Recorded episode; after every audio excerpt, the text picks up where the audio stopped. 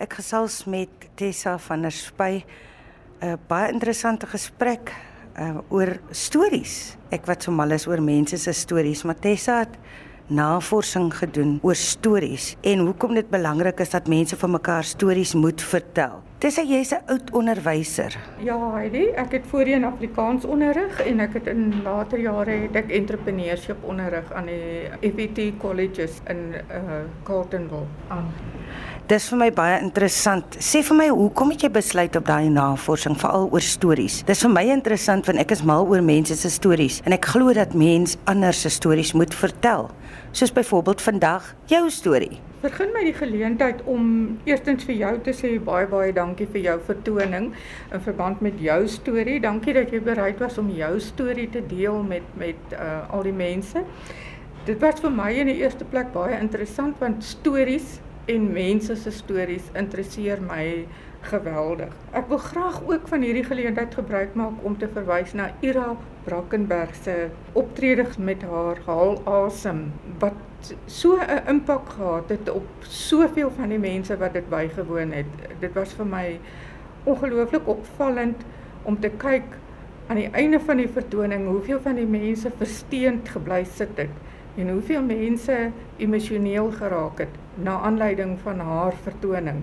En ek wil vir Ira sê verskriklik verskriklik dankie dat jy bereid was om jou diepste ervaring, jou diepste seer te deel met mense, om jouself so oop te stel, so bloot te stel en vir mense te vertel hoe dit voel om 'n kind te verloor, 'n kind af te staan aan die dood. Uh, op so 'n wrede manier. Uh, baie dankie dat jy bereid was om daai ervaring te deel, Ira. Alle mense het stories. Mm.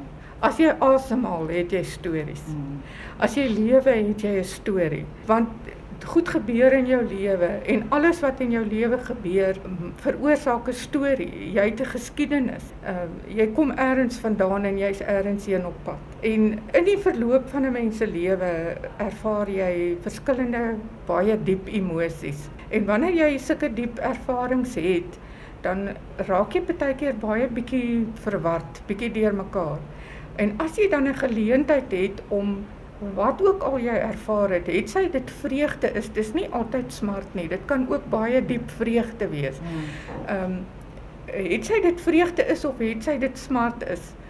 Uh, as jy jou storie deel met iemand, al is dit net 'n vriendin, 'n baie naby vriendin of 'n boetie of 'n sussie of wie ook al, dan gee dit vir jou die geleentheid om die die dinge wat met jou gebeur het in volgorde te plaas.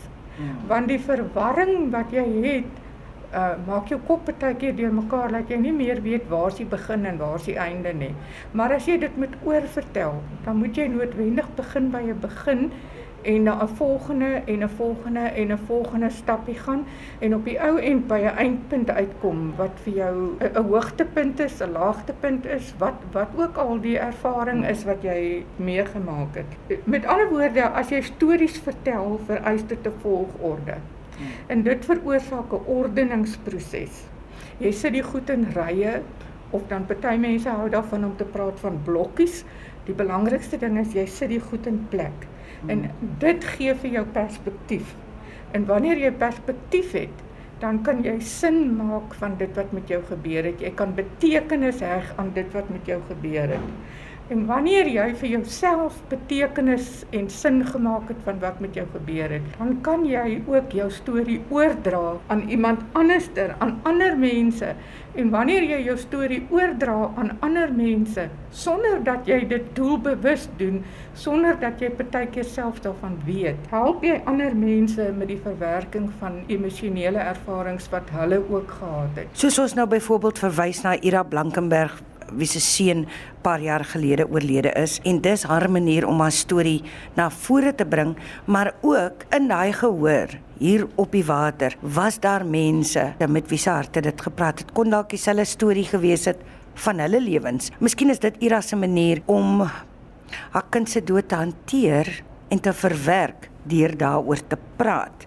Hoekom het jy gevoel jy wil navorsing doen oor oor storie vertel Die aanvanklike rede waarom ek gevoel het ek wil stories vertel was omdat ek in die Afrikaanse klas ervaar het dat uh, wanneer ek vir kinders stories vertel of wanneer ons besig is met 'n storie in die klas, dan uh, kry ek baie makliker hulle aandag. Hmm. En ek dra baie makliker 'n boodskap oor. Wat ek ook ondervind het is dat as 'n mens vir kinders binne 'n voogperiode soos wat ek dit destyds nog gehad het, uh probeer om iets te leer, probeer om vir hulle 'n nuwe reël te leer uh, of hulle aan te spreek oor een of ander morele waarde of wat ook al dan raak hulle verveeld en hulle kyk by die venster uit en hulle hulle luister nie eintlik na wat jy sê nie. Hmm. Maar sodra jy dit met 'n ander hoek, met 'n ander invalshoek benader en met 'n storie kom, dan onthou hulle die storie en omdat hulle die storie onthou, onthou hulle later in hulle lewe dalk, maar tog hulle onthou die waarde wat hulle geleer het, die morele waarde wat hulle geleer het uit die storie uit. En dit is vir my verskriklik belangrik dat kinders van kleuter van baba amper wil ek sê totdat jy die dag jou koppie neer lê moet jy maar besig wees met stories want jy leer deur stories. Jy leer waardes jy leer verwerking jy leer 'n les deur elke storie wat jy hoor. Of dit 'n geskryfde storie is of dit 'n storie is wat iemand net vir jou vertel. Maar dit is baie belangrik dat ouers moet besef Moenie vir jou kind preek nie. Moenie vir met jou kind beklei en raas nie. Vertel liewer vir jou kind 'n storie as jy vir hom 'n morele les wil leer. Want as hy die storie hoor en hy onthou die storie, gaan hy vir die res van sy lewe daai morele waarde onthou al hang hy dit nie noodwendig onmiddellik aan nie, maar hy gaan onthou my maat vir my of my pa of my ouma of my oupa het vir my hierdie storie vertel en uit hierdie storie het ek dit of die of daai geleer. Jy's doodreg, ek stem met jou saam daar. Jy kan byvoorbeeld 'n kind iets leer oor dankbaarheid met 'n storie wat jy vertel. Dan kan jy jou kind iets leer oor sonder om te sê moenie dit of dat nie. Vertel jy 'n storie van iets wat gebeur het sodat die kind perspektief kan sien of 'n jong mens, die tiener. Baie mense skryf hulle stories uit. En dit is hoekom baie mense boeke skryf en soos in akteurs se gevalle, sommige mense skryf 'n verhoogstuk om hulle stories uit te kry en uit te skryf en uit te leef. Daar's verskillende maniere. So daai balans tussen waardes en storie vertel. Dit was ook 'n groot deel van jou navorsing, né? Nee? Dit was eintlik die kern van my navorsing. Hmm. Ja, ek ek het probeer om te kyk ehm um, of ek dit nagevors, hoe kan 'n mens aan kinders empatie oordra deur gebruik te maak van 'n storie. Ek het ook later gekyk hoe kan 'n mens die waarde van respek oordra deur gebruik te maak van stories. Nie net stories nie, maar ook gedigte, ook liedjies.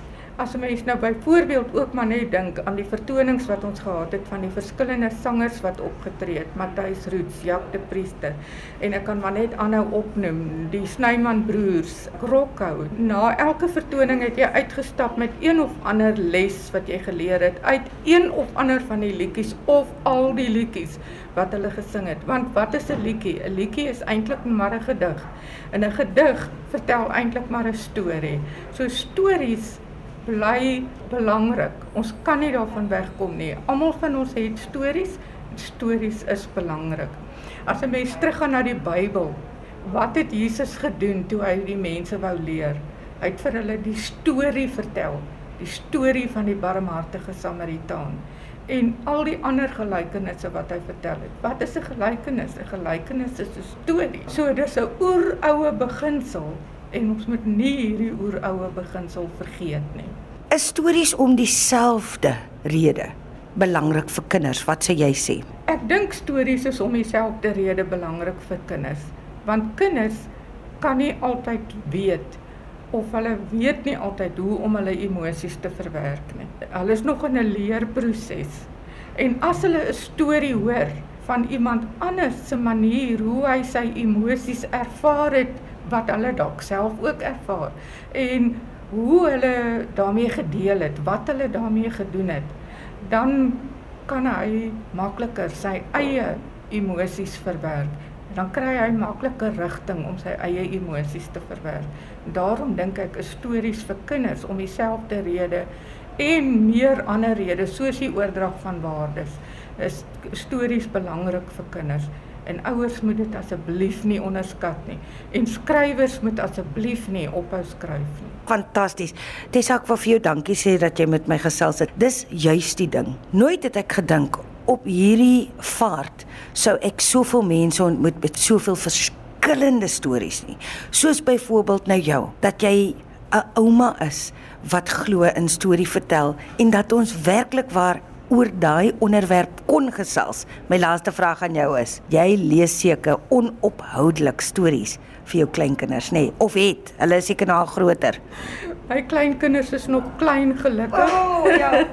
hulle is nog uh, eh, 7 jaar en 8 jaar oud en ek het eenetjie wat nou op pad is. Sy kom in Februarie. Uh baie opgewonde daaroor en ja, ek is mal daaroor om vir hulle stories te vertel oh. en te lees. ek wens ek was jou kleinkind. baie dankie Heidi. Dankie vir die geleentheid en baie sterkte met julle werk vorentoe en nogmaals dankie dat jy jou storie ook gedeel het. The story of my life. The story of my life.